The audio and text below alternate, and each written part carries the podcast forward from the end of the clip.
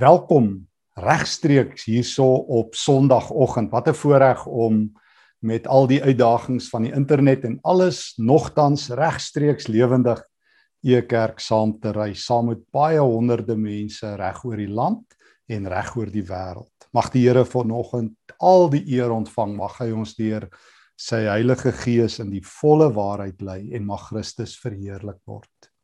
Wanneer jy die woord staatsgreep hoor, dan weet jy een ding, 'n bewindsoorname, 'n magsoorname het plaasgevind.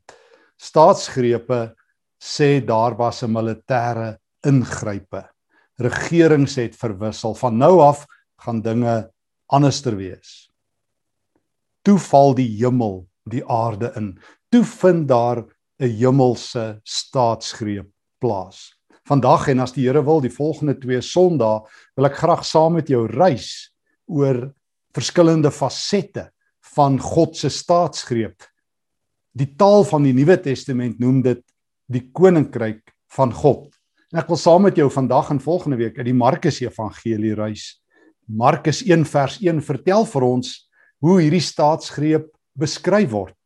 Die evangelie, die goeie nuus staatsgrepe is vir baie mense goeie nuus en vir baie mense nie.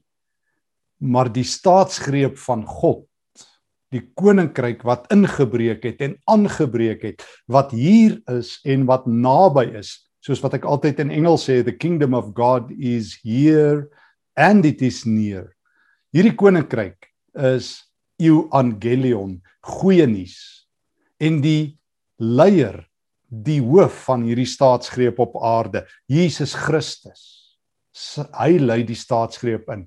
En ek sluit saam met jou aan in Markus hoofstuk 1 in vers 10 en 11. Jesus is in die woestyn en van alle plekke is dit die oomblik dat die staatsgreep begin. Tot nou toe was Jesus stil weg op die toneel. Markus doen nie groot moeite soos Matteus en Lukas om die geboorte van Jesus te vertel of soos Lukas iets van sy kinderjare nie. Hy val met die deur in die huis en met die huis in die deur, net soos jy wil. En God, wanneer Jesus daar by Johannes die Doper is, praat uit die hemel en sê: "Dit is my geliefde seun." Markus 1 vers 11. Nou verander alles. Die koninkryk van God het grond geraak. Jesus is hier. God is in lewende lywe op die toneel. Hou die spasie dop. Dinge gaan verander. En kan ek vir 'n paar oomblikke saam met jou oor die radikaliteit van hierdie koninkryk praat? Want ek moet bely, ek het nie altyd groot geword met die idee van die radikaliteit van die koninkryk nie. Trouwens, ek het selfs groot geword met die idee die kerk moet alles rustig hou. Ek herinner my hoe 'n dominee vir my eendag gesê het as jy nou weer kom preek, moet nou nie die mense so ongemaklik laat voel nie. Ehm um, dit is my gevoel baie keer of die kerk ons geriefsone is, veilig en voorspelbaar en o ja, ook die derde V, vervelig. Jy kon deur 'n preek slaap sonder om iets oor te kom. Jy kon deur 10 dienste gaan sonder om te verander.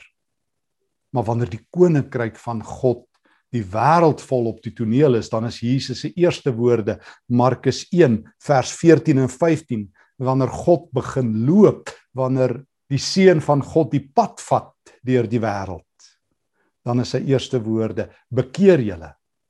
Metanoite in die Grieks, metanoia verander jou denke, jou gedagtes, want die koninkryk van God is naby. Bekeer julle en glo. Bekering is die gewildste woord waarskynlik in die kerk. En tog ten spyte van die ruim gebruik daarvan, verstaan ons nie regtig wat dit beteken nie. Want ek het agterkom vir meeste mense beteken bekering, maar ek doen 'n bietjie minder van iets en 'n bietjie meer van van iets anders. Ek gaan nou 'n bietjie meer kerk toe en 'n bietjie minder sondige plekke toe. Vroeger het ek niks van mense gehou nie, nou hou ek 'n bietjie meer van hulle. Vroeger het ek um, al my geld op myself uitgemors en nou gee ek daarom so nou en dan ietsie vir die kerk, bietjie minder en 'n bietjie meer. Um voorgrond het 'n bietjie agtergrond geword en nou is daar weer 'n paar nuwe dinge op die voorgrond. Maar maar basies is dit maar business as usual, soos die Nederlanders sal sê. Ek gebruik maar nog my selle kop Ek dink maar nog dieselfde en ek sê nou maar net terwyl ek kla, mense nou kan net die Here ons help. My vergaderings lyk dieselfde. My gesprekke lyk dieselfde. My gesprekke by die ete lyk dieselfde. Ons ons begin maar net met gebed. Maar maar verder is dit business as usual. Dis nie wat Jesus met bekering bedoel nie.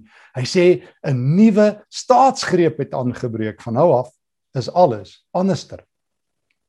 Kom ons kyk na 'n paar voorbeelde. Markus 1 vers 20 um, tot 28. Jesus kom in Kapernaum aan, daar by die noordwestelike oewer van die see van Galilea.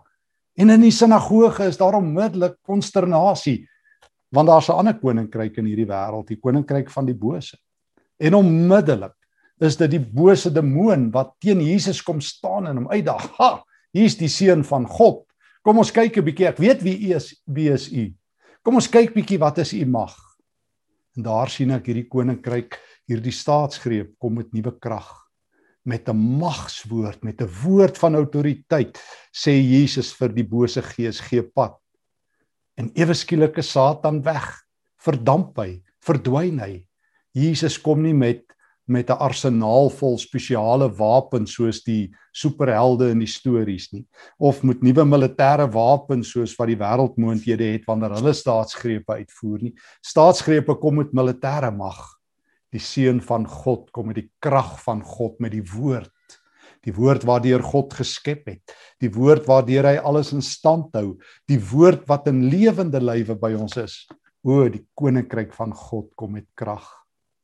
Maar dit kom ook dit kom met 'n woord van mag. Maar die koninkryk gebeur met 'n hart wat smelt. Markus 1 vers 44 tot um, ehm, 45 sien ek Jesus bring 'n hart nou kyk as daar staatsgrepe plaasvind is die meeste uh, ouens wat 'n staatsgreep uitvoer 'n diktator harteloos hulle skiet hulle vyande dood hulle gooi hulle in tronke hulle trap op hulle vyande en met geweld neem hulle alle uh, instellings oor. Maar wanneer die seun van God kom, praat hy die Satan uit die pad uit en sien hy 'n onreine raak. Ek lees in Markus 1 vers 40 tot 45 hoe 'n melaatse na Jesus toe kom en en en en en die taboe ding doen in die ou deel van godsdiens. O ja, want dit is die ander vyand, die die melaatses, die onrein melaatses wat met met godsdienst te doen het. Jesus neem nie net die die die Satan se terrein oor nie. Hy val ook die terrein in van godsdienst. Want uiteindelik is dit godsdienst en dit bly vir my altyd die grootste skok, formalistiese, gestagneerde, gebou aangedrewe, um stagnante godsdienst is die grootste vyand van die koninkryk van God. Tot vandag toe wanneer godsdiens maak dat jy eh, letterlik in sement gegiet word wanneer jy in 'n ons hulle wêreld is wanneer jy geen effek meer op die wêreld het nie. As en behalwe om te kla oor die sonde as en behalwe om die wêreld te dreig God gaan hulle straf wanneer godsdiens jou hart en jou lewe mors dood maak. Dan het die koninkryk van God nie by jou aangekom nie. En nou kom Jesus eerstens en hy val Satan se terrein in. Tweedens maak hy die onreine rein wat deur godsdiens verbied was om naby rein mense te kom.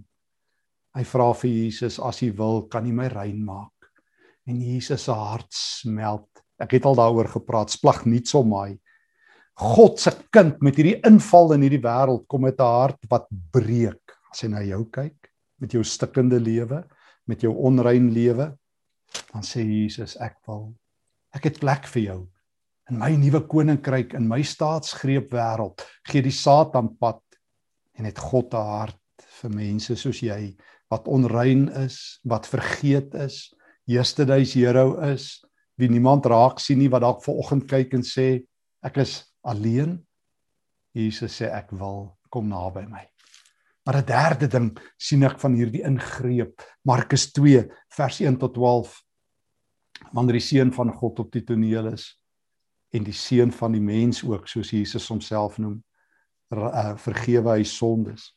Vriende bring hulle man daarna hulle vriend na uh, die huis van Petrus toe daar in Kapernaum breek die dak oop en laat hom afsak. Ek onthou altyd nie kinderbybel hierdie prentjies. dan sit Jesus so met 'n heilige uitdrukking, almal kyk so op en dan dink ek vir myself, hulle was nog nooit 'n plek waar iemand 'n dak afbreek nie. Kyk, dink hoe gaan dit as 'n dak afgebreek word in Kapernaum? Daai asfalthuisies, dis stof, dis stukke strooi en modder en alles val op mense. Dis 'n stofontploffing en ek dink Jesus moes dalk nog 'n wonderwerk of twee daarna doen van ouens wat beseer is. En Petrus is kwaad en sy vrou is kwaad want sy weet wat kos loodgieters in Kapernaum. In elk geval en dan sakkel hierdie man tot voor Jesus. Hulle soek 'n genesingswonder en Jesus sê jou sondes is vergewe. Hulle sê nee Here, hy siek. Jesus sê sy sondes is vergewe. Ek het in die hemelse boeke gekyk Die grootste siekte is wanneer jy die siekte van jou siel het, wanneer jy verlore is. Godsdiens kan jou nie red nie. Jy kan jy kan die godsdienstige tempels bywoon, die sinagoge se se vloere deurtrap. Maar as God nie jou hart aangeraak het en gereinig het nie, so ek is besig met 'n staatsgreep waar Satan verloor, waar onreinheid verloor en waar mense se sondes genees jou sondes is vergewe, vat jou bed en loop, dan gee siekte ook pad. So lyk die staatsgreep. Dis ook 'n staatsgreep waar heilige dae plek maak vir 'n heilige persoon. Markus 2 vers 26 tot 3 vers 6 word Jesus kry hy sy eerste doodsvonnis. Is dit duidelik dat hierdie staatsgreep bloed gaan vra? Want Jesus weier om die heiligste dag van die Jode amper eintlik tegnies die tweede heiligste dag Sabbat heiligste was die groot versoendag om dit te eerbiedig. Jesus oortree Sabbatsgebod. Jesus sê in Markus 2 daarby vers 27 julle moet verstaan die Sabbat is nie belangriker as mense nie. Julle het van die Sabbat 'n afgod gemaak. Julle het lomp Jode en dit in elk geval nie gehou nie. Skrikwekkend Hebreërs 4 En daarom is daar 'n staatsgreep op Sabbat. Die die seun van die mens vers 28 is nou die Here van die Sabbat. Die Sabbat skuif na Jesus toe. Hoe het die kerk dit gemis? Hoe het die kerk die 10 gebooie nie deur Jesus gelees nie, maar Jesus deur die 10 gebooie gelees. Die 10 gebooie geld, maar dit is nou die wet van Christus. In Johannes 1 het ons gehoor Moses het die wet gebring, maar die seun bring genade en waarheid. En ons hoor in 2 Korintiërs 3 die wet bring die dood, so ons moet die 10 gebooie deur Jesus lees, nie andersom nie. Ons het die 10 gebooie gebruik, al is dit nog steeds geldig om die Bybel te lees. In die staatsgreep is dit andersom. Dis nou soos Paulus in 1 Korintiërs 11 sê en vir die Galasiërs sê, die wet van Christus. En Christus sê ons hou nou Sabbat deur hom 7 dae per week oor die Jode kan dit nie vat nie. Hulle sal hierdie eendag hou. Jesus sê, ek is die Here. Ons sal nou goed doen op hierdie dag en op elke ander dag. Daar is 'n nuwe koning. Daar is 'n nuwe seun op die blok. Daar is 'n staatsgreep waar Satan verloor. Markus 1 vers 20 en verder. Waar onreinheid verloor omdat God se kind se hart liefde uitlek na onreines. Waar die heilige dae oorskuif na die die onderhouding van liefde vir 'n heilige persoon Christus. Dis nou die tyd wanneer Levi en sy sondaarsvriende nader gewink word. Ek lees in Markus 2 vers 13 tot 17 dat nuwe mense aansit by hierdie tafel. In godsdiens gaan dit oor rangorde. Die belangrikstes was die hoëpriester en die priesters en in formalistiese godsdiens gaan dit oor die profete en die leiers wat kwansuis die gesalftes is. Maar by Jesus se tafel is leefie welkom. Ehm um, is ons nie meer bang vir sondaars nie, maar word ons vriende. Wanneer die koninkryk van God aanbreek, is is is is die koninkryk die wêreld vol en word 'n onrein leefie gered. Jy kan maar gaan lees Markus 2 vers 13 tot 17 hoe geskok is die godsdienstiges. Hy eet saam met sondaars. Hy hy hang uit saam met die verkeerde mense. O godsdiens verstik wanneer ons met hulle meng. Ons moet hulle eers verander om soos ons te wees. Hulle moet eers hier in ons benoude klein godsdienstige plekkie uh, wees. Dan sal ons van hulle hou. Want want dis mos hoe bekering lyk vir godsdiens. Ek ek ek sal jou lief hê as jy soos ek is. Ek sal van die wêreld hou as die wêreld verander. Maar ek weet meer van dit wat in die wêreld verkeerd is as wat reg is by God. En intussen eet Jesus saam met leef. So die koninkryk van God laat die Satan vlug. Die koninkryk van God laat onreinheid vlug. Die koninkryk van God maak een heilige dag Sabbat tot 'n heilige tyd omdat ek elke dag nou Jesus volg 7 dae week Sabbat hou. Dit maak dat ek vriende maak met Jesus se vriende. So is jy deel van die staatsgreep? Is jy regtig deel van die staatsgreep? Jy sal weet as die Satan pad gee in jou omgewing. Jy sal weet as jy 'n hart het vir onrein mense en vir mense sorg wat eenkant gestoot is en weggestoot is en geskop en getrap is. Jy sal weet as jy elke dag Sabbat hou en nie net meer jou beste los vir een dag van die week soos baie godsdienstiges nie. O, ons gaan op Sondag 'n bietjie vroom wees, 'n bietjie godsdiens doen. Maar wanneer jy sê die seun van die mens is Here van die Sabbat en ek dien hom en ek hou deur hom Sabbat. En wanneer Jesus se vriende jou vriende is. Hoeveel hoeveel nie Christen vriende het jy? Hoeveel keer eet jy en kuier jy saam met hulle? O, dis tyd vir bekering, meneer en mevrou. Dis tyd om nuwe voorgrond in jou lewe te hê vir Jesus en dis tyd vir nuwe rolle. Ons tweede groot beweging die radikaliteit van die koninkryk van God. En ons het nou gesien, dit het begin toe God daar uit die hemel uit gesê het, dis my geliefde seun, die koninkryk is hier. Bekeer julle. En toe die Satan vlug en onreinheid vlug en daar 'n nuwe kategorie van heiligheid is en 'n nuwe heilige lewe. Maar daar's nuwe rolle. Kan ek jou uitnooi na die nuwe rolle in die koninkryk van God vanaf Markus hoofstuk 8. Ehm um, wanneer Jesus op pad is daar by Caesarea Philippi en vir die mense vra in vers 29 wie sê die mense is ek? En dan vra hy vir Petrus en dan sê Petrus vers 29 u is die Christus. U is die Christus. En dan breek die nuus. Hierdie koninkryk vers 31 en 32 gaan met die dood gepaard Markus 8 hulle gaan my vermoor sê Jesus maar ek gaan opstaan hierdie koninkryk gaan soveel weerstand kry dat hulle my gaan vermoor. Hulle gaan my doodmaak. Soos in Markus 3, hulle gaan sê ek is by Elsebul. Hulle gaan sê soos in Markus 3 ek is van my kop af. Soos in Markus 3 ek is 'n wetsoortreder, 'n sabbatoortreder en hulle gaan my vermoor. Petrus, julle sal nuwe rolle nodig hê as julle my wil volg al die pad. Dis maklik ehm um, soos wat mense in godsdiens alleen maar die enigste rolle wat godsdienstig gesvat is konings en priesters en profete. Maar die eerste rolle wat ek in my koninkryk in God se staatsgreep koninkryk uitdeel Petrus is kruisdraers. Markus 8 vers 34 Hier is die eerste rol wat jy moet vat as jy agter my wil aankom as jy wil deel wees van hierdie opmars hierdie inbreuk van God se koninkryk in die wêreld dan sal jy dan sal jy um, 'n um, kruisdraer moet wees. Wat sê die eerste mense, die eerste disippels? Kruisdraer se doodsvonnis. Dis walglik. In 2021 is die kruis 'n romantiese simbool. Um en in godsdiens is dit so nou en dan 'n bietjie swaar, maar vir ons is dit romanties. Dit pas om ons nek en soos in my huis en soos hier langs my is kruise simbole wat ons herinner in ons geloof, maar vir die eerste Christene was dit 'n doodsvonnis. Ernstig, Here, moet ek my lewe verloor om U te volg? Jy het reg gehoor, Petrus, want jy gaan jou lewe verloor, vers 35. Verloor dit nou, verloor dit vir my. Dra jou kruis, gee alles prys. Die vroeë kerk het die beweging het, die staatsgreep ouens het Daarom sê een van die kerkvaders as die Romeinse owerhede hom wil doodmaak. Julle kan my doodmaak, maar julle kan my nie seermaak nie. Ek het alles verloor. Daarom as hulle vir Paulus uitmekaar slaan, sê hulle julle kan my seermaak, maar ek het klaar alles verloor. Ek is saam met Christus gekruisig. O, hier's vir jou 'n kruis. Eerste rol vir mense wat die staatsgreep van Jesus beleef. Tweede rol Markus 10 daarvan af vers 16.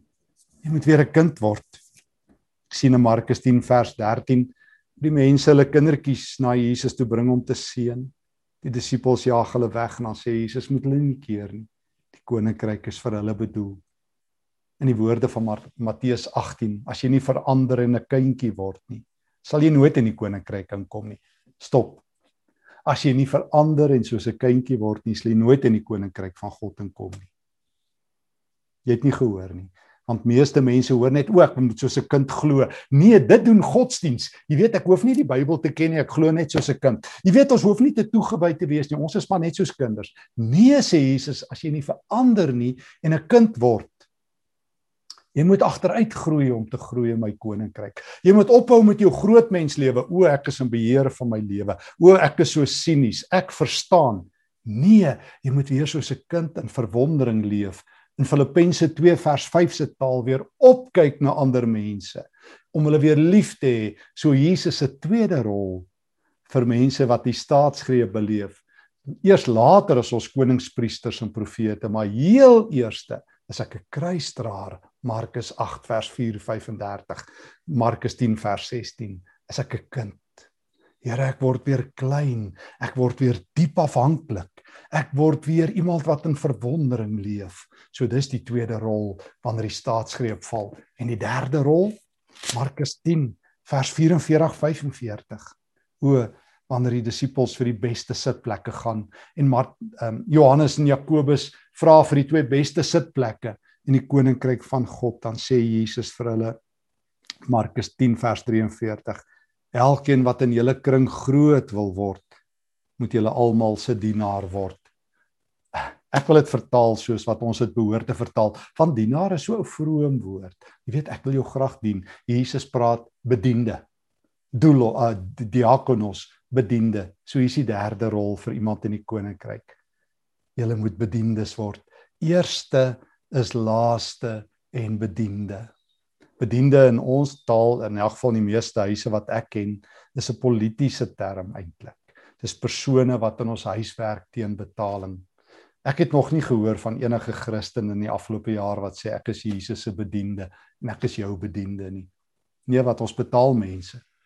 En hier kom Paulus en hy sê hy is Jesus se bediende want hy verstaan maar Jesus sê as jy wil voorwees, as jy wil weer deel wees van die revolusie, moet jy almal se bediende wees, almal se bediende, nie die oulike ouens nie, nie die mense van wie jy hou nie, nie die lekker mense nie, dan moet jy almal se bediende wees. As jy eerste wil wees in my oë, dien mense en dan die vierde rol.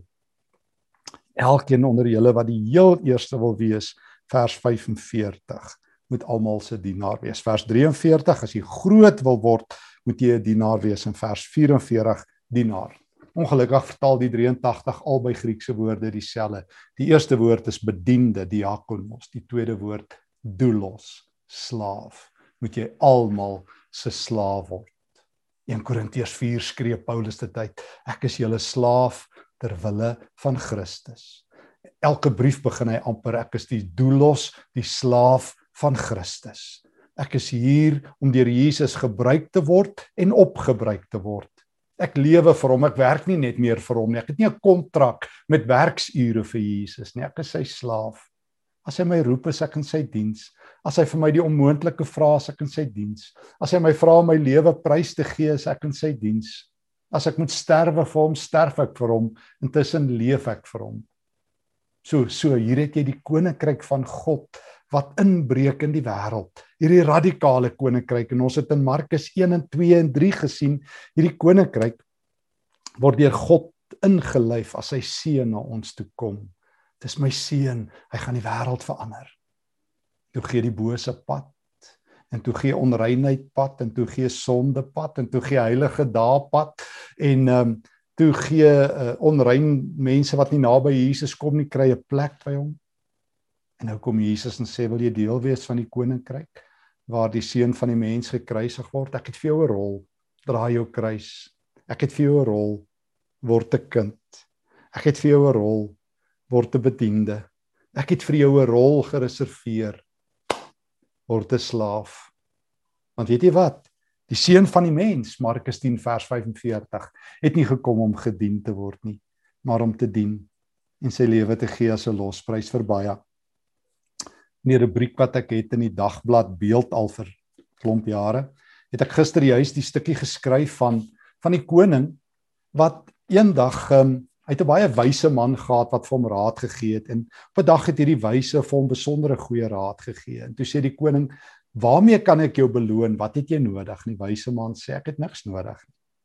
En die koning sê vir hom: "Nee, wat kan ek vir jou gee? Wat het jy regtig nodig? Wat wil jy hê?" En die wyse man sê: "Ek het niks nodig nie." Toe hy aanhou, toe sê die wyse man: "O, koning, daar waar ek bly is baie muggies en baie vliee. As jy my regtig wil help, sal jy so vir 'n rukkie kom met die vliee en die muggies wegjaag dat ek so 2 dae nie so gebyt en gepla word nie. Die koning was geskok want hy het gedog die wyse man soek eer of geld.